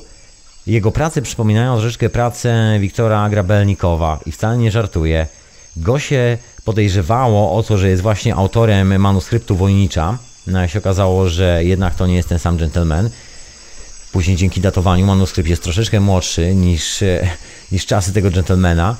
No ale co ten gentleman wniósł takiego ciekawego? Bo a właśnie, bo zapomniałem najciekawszą rzecz, bo to jest bardzo znany gentleman, bo ja tak mówię Roger Bacon, ale jego najbardziej znana nazwa, pseudonim to doktor Mirabilis. To jest ten e, wspaniały nauczyciel z łaciny, dokładnie. To jest właśnie ten gentleman. I ten koleś pisał, że nie potrzeba żadnych specjalnych silników, żadnej ekstra mocy, żeby statki mogły unosić się w powietrzu, wozy mogły latać i tak dalej, i tak dalej. To, o czym pisał, to była lewitacja, antygrawitacja, jak ktoś nazwał. Koleś opisywał to zjawisko i to dosyć konkretnie. Bardzo ciekawe prace. Czyli widać, że gdzieś ta wiedza była, ten drugi obieg wiedzy był, no bo skoro tak, mamy piramidy, te wszystkie historie, te kosmiczne zagadki, które znajdujemy wszędzie, gdzie wbijemy łopatę, mamy tych kolesi po drodze, którzy gdzieś tam pościągali tą wiedzę, bo ona gdzieś tam w krajach arabskich, tam manuskryptach przetrwała, tą pożogę intelektualną w Europie, Imperium Rzymskiego, rzymsko-chrześcijańskiego, się okazało, że ta wiedza gdzieś tam zawsze jest, zawsze jej szczątki są i właściwie tylko od chętnych zależy, czy ją, że tak powiem, podniosą tą wiedzę z podłogi. No dlaczego Roger Bacon i wszyscy ci kolesie byli duchownymi? Bo wtedy była taka zasada, że jeżeli chciało się czegokolwiek uczyć, trzeba było się koniecznie zapisać do duchownych. Nie było takiej opcji, żeby przyjęto na uniwersytet, kiedy ktoś nie był duchowny, a już do pracy na uniwersytecie tym bardziej. Trzeba było przyjąć jakieś tam święcenia, zaprzysiąść swoją wiarę jakiemuś tam panu i dopiero wtedy można było zostać człowiekiem nauki. Newton tego nigdy nie zrobił, do końca życia był alchemikiem, który nie wstąpił w szeregi kościoła oficjalnie i nigdy nie przyjął statusu właśnie, a miał być księdzem czy jakoś tak, bo tam każdy musiał mieć na Oksfordzie oprócz tytułu naukowego swój taki religijny tytuł, a jaka pokręcona historia. W tym momencie odstawię, bo to już nie będę sobie mieszał w głowie, tak czy siak, to o czym mówię, to to, że taki ciekawy koleżka, który sobie żył gdzieś tam w 1214 roku do 1292, pisał prace, które o żywo przypominają pracę Grabelnikowa na temat grawitacji i lewitacji, to co się dzieje w naturze, to jak natura propaguje te siły. I o dziwo pisał o urządzeniach, maszynach, które latają, które nie potrzebują żadnej zewnętrznej energii do zasilania. Pisał o różnych rzeczach. E, Przesuwał troszkę granice w takie miejsce, że uhuhu, i to było jakieś prawie, no to było 800 lat temu z kawałkiem, co by nie mówić. Ciekawa historia, takie troszkę szersze pole manewru cywilizacyjne i się okazuje, że taka wiedza była. Jest jego książka, ostatnio trafiłem na możliwość kupienia Kurczę, no nie przypomnę sobie w tym, ale chciałem sobie przypomnieć nazwę oficyny i kiedy to było wydane dokładnie, ale to jest taki przedruk z XVI wieku, nie najlepszej jakości, oczywiście cały łaciną i to taką łaciną jeszcze średniowieczną, także nie wiem ile by mi zajęło przeczytanie tego dzieła, ale reprint wszystkich oryginalnych ilustracji Bacona. Tylko, że cena za to oryginalne dzieło, które ma tam 300 lat, wynosi prawie 3000 funtów, bo jest to oczywiście stara książka, którą można sobie kupić. No jeżeli ktoś jest kolekcjonerem starych książek i posiada odpowiednie fundusze, to może nabyć coś takiego. Jest aktualnie do sprzedania jedna z jego właśnie szalonych prac, gdzie snuje swoje bardzo ciekawe tezy, które są tak poukrywane pomiędzy słowami. Oczywiście wszystko to jest zapisane specjalnym kodem, jednym z tych średniowiecznych kodów geometrycznych, że trzeba się przyjrzeć na okładkę, połączyć duże litery duże linią między sobą i litery, które znajdują się na przecięciu linii z inną linią, tworzą to właściwe słowo. Tam jest kilka takich sztuczek. No, ciekawa historia, ciekawą historią, ale słuchajcie, no, koleś po prostu pisał książki science fiction, czy co? 800 lat temu, o latających maszynach i to taki koleś, który jest nazywany empirystą, ojcem współczesnej metody naukowej, czy jakoś tak. To chyba nie był takim szaleńcem, żeby pisać takie bzdury. Chyba doskonale wiedział, co pisze, czyli jakaś wiedza tam musiała być. I w ogóle ślady po tych księgach zostały. Właśnie tak dzisiaj wspomniałem o tym manuskrypcie Wojnicza. To jest manuskrypt, który prawdopodobnie opisuje część propagacji tej e, naturalnej, tej ziemistej siły natury. To, o czym mówił Wiktor Schauberger, to, czym e, pisał Grabelnikow. Prawdopodobnie to jest ta historia. To oczywiście są moje takie swobodne przypuszczenia, tutaj nie każę nikomu w to wierzyć, ale gdzieś tam widzę po prostu parał tych wszystkich rzeczy. Chociażby w ilustracjach, proporcjach na ilustracjach, w ogóle sposobie, metaforycznym sposobie opisywania tego, czym to jest. I to jest takie bardzo ciekawe doświadczenie, że ci kolesie, robiąc te urządzenia, przechodzili przez takie coś w głowie, że no właśnie zapisywali to w taki sprytny sposób, że my się chyba na tym do dzisiaj głowimy, co to jest. Bardzo łatwo jest elegancko ukryć tą wiedzę tak, żeby przetrwała do naszych czasów, tak żeby nikt przez przypadek nie wziął tej księgi, nie spalił.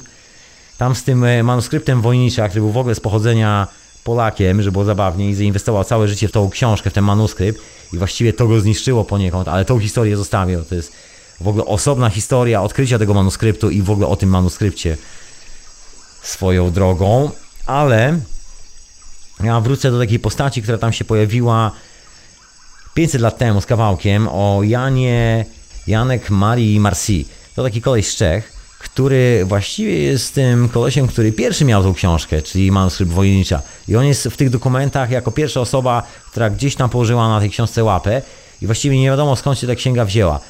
Są takie legendy i takie przypuszczenia oczywiście, bo tu nie ma żadnych dowodów na poparcie tego wszystkiego, że książka jest napisana czymś w rodzaju głagolicy, takiej bardzo starożytnej głagolicy. Jest to jeden z takich zapisów cywilizacyjnych, który gdzieś tam przetrwał w cudzysłowie w słowiańskich plemionach i tak dalej, bo wiadomo, że były tak zwane heretyckie księgi. Nikt nie nazywa tego słowiańskimi księgami, nic z tych e, rzeczy. Wiadomo, że były książki pisane przez heretyków, że była potężna cywilizacja, która funkcjonowała obok Rzymu. Taki drugi obieg, o którym Rzym zawsze pisał, że to byli barbarzyńcy, że nigdy się do niczego nie nadawali, że oni chcieli płacić podatków. I jak się wkurzyli, to zawsze robili taki najazd, że rzymska armia spieprzała prawie na Sycylię, bo nie, nie wiedziała jak zatrzymać owych wkurzonych barbarzyńców, którzy przyszli po swoje. I oni mieli jakąś potężną cywilizację. Nawet jeżeli nie mieli w czasach rzymskich jakichś takich cywilizacji miejskich, to ponoć posiadali potężną wiedzę o naturze. Taką wręcz techniczną wiedzę. Ja tu dzisiaj nie przez przypadek wspominam o Wiktorze Grabelnikowie, tym koleś o tej platformie, która lewitowała sobie i na której sobie latał, zrobionej z owadów, ze skrzydełek pewnego żuka. Bardzo taka zagmatwana, intrygująca historia, pełna zagadek. No a tu tacy kolesie, 500 lat temu, 800 lat temu mówią dokładnie o tym samym. I wygląda na to, że gdzieś ten drugi obiekt zawsze istniał, ten drugi obiekt zawsze tu gdzieś jest, zawsze funkcjonuje i jest zawsze ktoś, kto ma dostęp do tej wiedzy.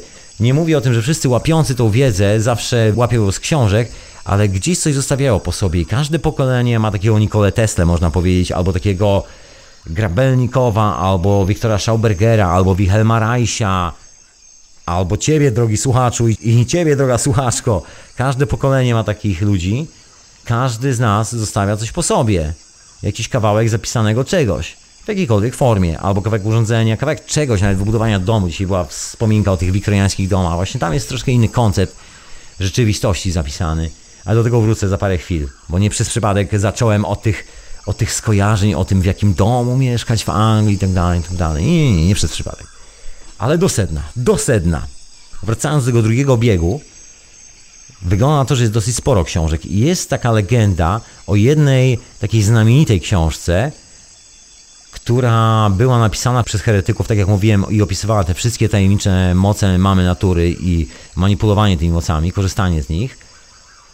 I ona ponoć zaginęła. To była najbardziej pożądana księga przez Watykan swego czasu. Jest jeszcze ta druga księga, o której pewnego razu wspominałem, do niej jeszcze wrócę, która została znaleziona. Ona pochodzi z Aleksandrii prawdopodobnie.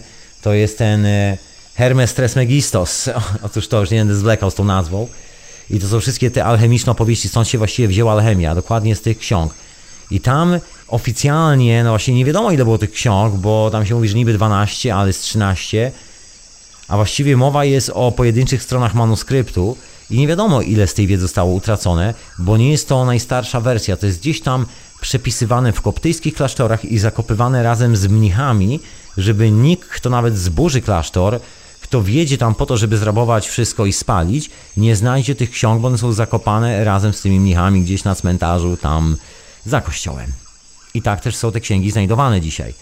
W Aleksandrii w wielu różnych miejscach. Owe hermetyczne prace, bo jak chrześcijanie się pojawili, no to każdy, kto był hermetykiem, każdy, kto był gnostykiem, od razu szedł pod topór, a książki szły do dużego ognia.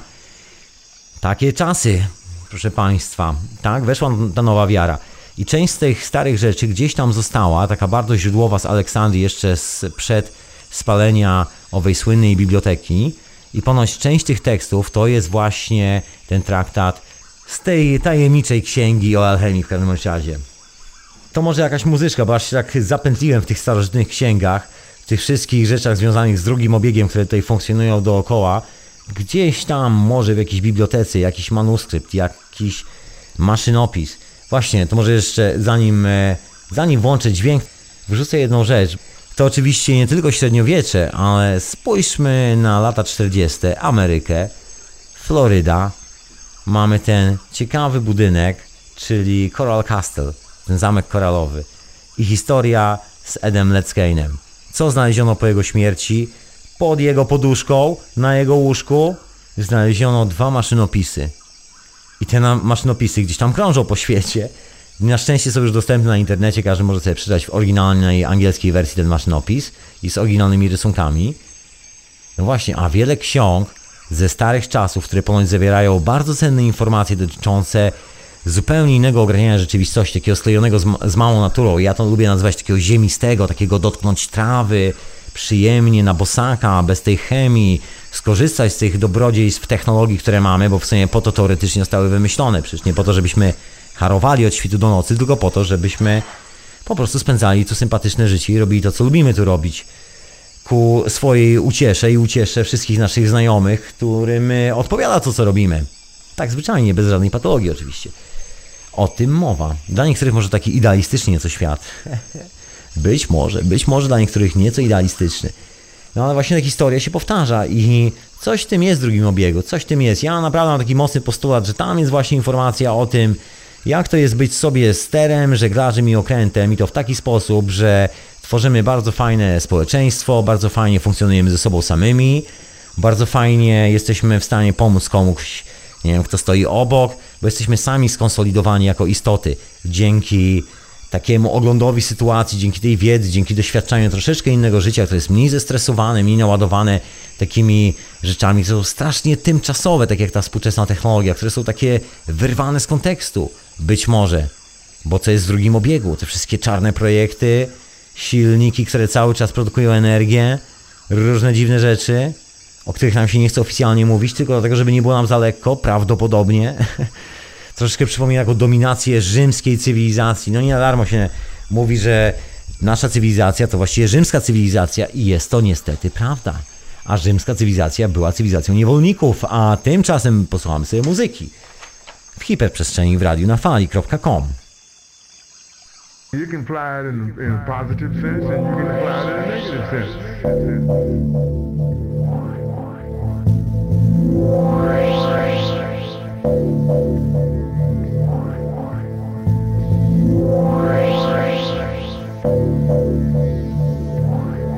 can fly it in, in a positive sense and you can fly it in a negative sense.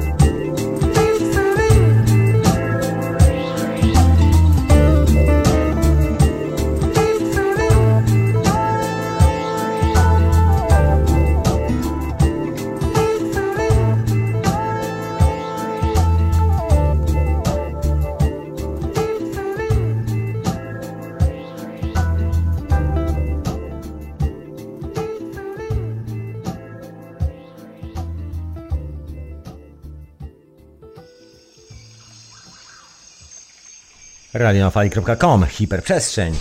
No i nie pozostało mi nic innego jak e, na zwieńczenie moich rozważań na temat właśnie Co nas zmienia? Czy miejsce, w którym byliśmy, czy też miejsce, w którym jesteśmy? I co jest to właściwie zmianą? Po tych refleksjach czas e, dotknąć tego tematu mieszkaniowego, od którego tam zacząłem tą opowieść między innymi. A Więc o co chodzi w ogóle z tymi wiktoriańskimi domami?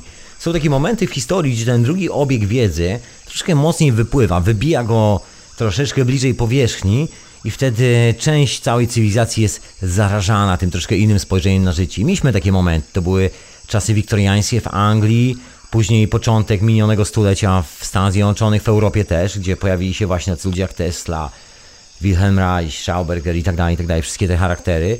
Teraz wygląda na to, nadchodzi kolejny taki moment, e, proszę Państwa, że właśnie coś takiego się ujawnia. Takie, można powiedzieć, punkty w czasie i przestrzeni. I dlatego właśnie pan chyba taką sympatią do owych wiktoriańskich domków, tak samo jak do tego nieszczęsnego neogotyku, który zastałem w miejscu, w którym się urodziłem, we Wrocławiu. To też fajnie wygląda. Jest to takie miłe dla oka, jest to takie, że tak powiem, ziemiste. Tam widać ten kawałek drugiego obiegu wiedzy, tam widać, że jest próba zrozumienia mamy natury, te wszystkie fantazyjne, dekoracyjne ornamenty roślinne, które mają swój sens. Bo oczywiście są reprezentacją pewnych mocy kosmicznych, tam e, te wszystkie alchemiczne historie, które są nieco śmielej artykułowane w tych budynkach. Jakoś się okazuje, że te budynki, pomimo że minęło sporo czasu, 200 lat, ileś tam pokoleń, czy jakoś tak, czy 150 lat, dalej stoją, dalej cieszą oko, przynajmniej moje, i są takie naturalne, pasują do tego otoczenia. Nie jest tak, że to jest takie, że tak powiem, e, spod ogona wypadnięte, bym powiedział. Nie jest to jakiś takim kanciastym y, boksem wciśniętym nie wiadomo gdzie, takim odstającym od mamy natury, takim wykrzyczanym i prosto w twarz. Nie, jest takie ciekawe i te właśnie ornamenty, ta dekoracyjność tych budynków, to, że próbują właśnie oddać mamy naturę w drobiazgu, w detalu, troszkę kwiatów. Ja nie jestem jakiś taki strasznie kwiatowy koleś, co sobie kwiaty w wazonie stawia. Dajcie spokój, jestem chłopakiem, nie robię takich rzeczy, naprawdę. To na pewno pięknie wygląda, jak kobieta to robi, ale ja się tego nie nadaję. Ale jeżeli chodzi o dom, który jest obrośnięty bluszczem, urokliwie to wygląda, jest tak fajnie. To jest ten właśnie moment połączenia się z tym prawdziwym obiegiem, z tym drugim obiegiem. Bo główną częścią tego drugiego obiegu, to co ja postuluję, to jest ta naturalna wiedza o tych rzeczywistych procesach, które się dzieją na tej planecie, o tym, że właściwie wszystko jest ciągle w ruchu i że nie ma nic stałego, że my jesteśmy ciągle w ruchu i że to jest normalne. I to ogólnie, jeżeli przyjmiemy troszkę na czaszkę taki koncept, to trochę powiększa nasze pole manewru, takie nawet intelektualne, mentalne, jakiekolwiek. Troszeczkę go rozszerza. To pole robi się trochę większe i człowiek troszkę swobodniej oddycha, tak mi się wydaje. I to jest ta, myślę, wiedza związana z drugim obiegiem, dlatego ona jest tak chowana do tyłu. Tam wspomniałem o tej rzymskiej cywilizacji. No tak to jest i myślę, że też głównym powodem, dla którego ta wiedza jest tak fascynująca i przynajmniej tak fascynujące dla mnie są poszukiwania w tych wszystkich starożytnych cywilizacjach, w tych tajemniczych maszynach, tych rzeczach, które są takie niedopowiedziane, takie wiadomo, że są, bo jest masę dokumentów na to, jeżeli człowiek chce się, tak powiem, zmierzyć z tematem, to nagle się okazuje, że wcale nie jest takie anonimowe i że więcej faktów na działanie tego niż na te wszystkie oficjalne prawa. No ale gdzieś zawsze to jest tak z boku, tak troszkę z boku stoi. No ale tak czy siak, myślę, że chyba o to chodzi, bo te poszukiwania same w sobie są po prostu fascynujące. Lustro, takie odbicie świata, jaki powinien być w tej starożytnej cywilizacji, w tych wszystkich poszukiwaniach, w tych wszystkich rzeczach. Tam jest ta tajemnica zapisana tego drugiego obiegu, tego, że po to to służy, by wszyscy byli zrelaksowani, żeby nie było stresów. I dlatego właśnie tak fascynujące są te poszukiwania w tych wszystkich dziwnych tematach, tajemniczych dla niektórych. No to jest chyba, myślę, naprawdę taki wytrych do wstęp właściwie do takiego naszego prawdziwego świata. Tak, tak mi się wydaje, moi drodzy. Tam właśnie w drugim biegu jest ten prawdziwy świat. Przynajmniej ta prawdziwa wiedza, taka bardziej potwierdzana eksperymentalnie. Może dla niektórych ta lewitacja, wszystkie te rzeczy brzmią tak enigmatycznie i tajemniczo, ale myślę, że to jest ta prawdziwa wiedza. Niekoniecznie jest to świat, słuchajcie, rzymskiej cywilizacji, tak mi się wydaje. Absolutnie, gdzieś to siedzi z boku i dlatego jest tak upychane po kątach, tak żebyśmy się nie dowiedzieli, albo żebyśmy długo na to czekali.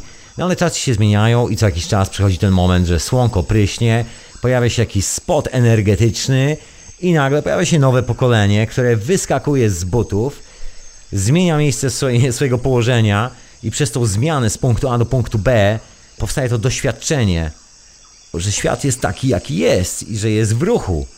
I nagle się okazuje, że ten drugi obieg przestaje być drugim obiegiem i zaczyna być pierwszym obiegiem. Tak może być, tak może być, proszę Państwa, już niedługo. Dzięki Wam serdecznie za wysłuchanie moich radosnych sobotnich refleksji po jeżdżeniu po tym mieście, jak się zastanawianiu, jak to z tym jest. Z tym zmienianiem miejsca, w którym się mieszka, a później się okazuje, że to miejsce już właśnie nie jest nasze, że ciągle się zmieniamy. Jakie jest prawo tego nauki? Czy, czy to nie jest tak, że to wszędzie jest tak samo? Czy to nie jest tak, że ta tajemnicza wiedza z tego ukrywanego drugiego obiegu cały czas mówi dokładnie o tym samym, że jesteśmy takim dynamicznym obiegiem, a nie stałym, że cała ta dekoracja, gdzie mamy uwierzyć w coś, że coś jest stałe, że mamy się przywiązać do czegoś, wierzyć w jakąś ideę, jakiś sztandar narodowy albo jakieś takie historie pokręcone mocno, kwalifikujące się na wizytę do, u psychiatry, to dobrego. No właśnie, a my w to wnikamy, a w to wnikamy, a ta wiedza mówi jasno i wyraźnie, że człowieku, jesteś w ruchu, chill down, po prostu wrzyć se na luz. Jesteś tak w ruchu i tak się cały czas kręcisz. Na tym polega ta historia, także fajnie się pokręcić w miłych okolicznościach przyrody, prawda? Być może właśnie w takim wiktoriańskim domku, który jeszcze pamięta jakiegoś naturalistę zafascynowanego opium i substancjami halucynogennymi przywożonymi z dziwnych, egzotycznych krajów i próbujący oddać w tym domu owe roślinne atrybuty mocy natury. Kto to wie? Kto to wie, proszę Państwa? I tyle byłoby z mojej refleksji na dziś. Proszę Państwa, zapraszam Was na wieczorową porę, jeżeli jeszcze nie zgaśliście, do Radia na Fali oczywiście. Dziękuję za wysłuchanie bardzo serdecznie moich szalonych pomysłów. Zapraszam do wszystkich moich kolegów w Radiu na Fali, do czasu snu. Mecenasi, niedługo książki lądują u Was. Zapraszam do etykiety zastępczej, zapraszam do... Och, słuchajcie, tam tego troszeczkę jest, w archiwum nawet takim już zaległym, ale to pominę do wieczorowej pory, do teorii chaosu, do dokładki, do materiału z konwentu, no i jeszcze do syntezy. O tym wspominałem dzisiaj wystarczająco dużo, tak że na pewno pamiętacie, jeżeli oczywiście chcecie. Jeszcze raz dzięki za wspieranie radia, dzięki wsparciu od Was można to prowadzić, utrzymywać i propagować. Ten zupełnie odmienny sposób myślenia zdaje się czasami w stosunku do oczywiście rzymskiej cywilizacji. Ja tu postuluję drugi obieg, zdecydowanie, tak żeby go ujawnić. Ujawniajmy drugi obieg. Także jak macie okazję, macie czas, to przyjrzyjcie się tej sprawie. Może się okaże, że w tym drugim obiegu jest coś, co idealnie się nadaje do pierwszego obiegu i to coś powoduje, że nasze życie jest naprawdę fajne i wszystkim jest miło dookoła i jest mniej jakichś psychopatycznych historii. I w ogóle jest sympatycznie. I o to w tym wszystkim chodzi. Zatem żegnam Was, y, do usłyszenia następnym razem. Słuchaliście radionafali.com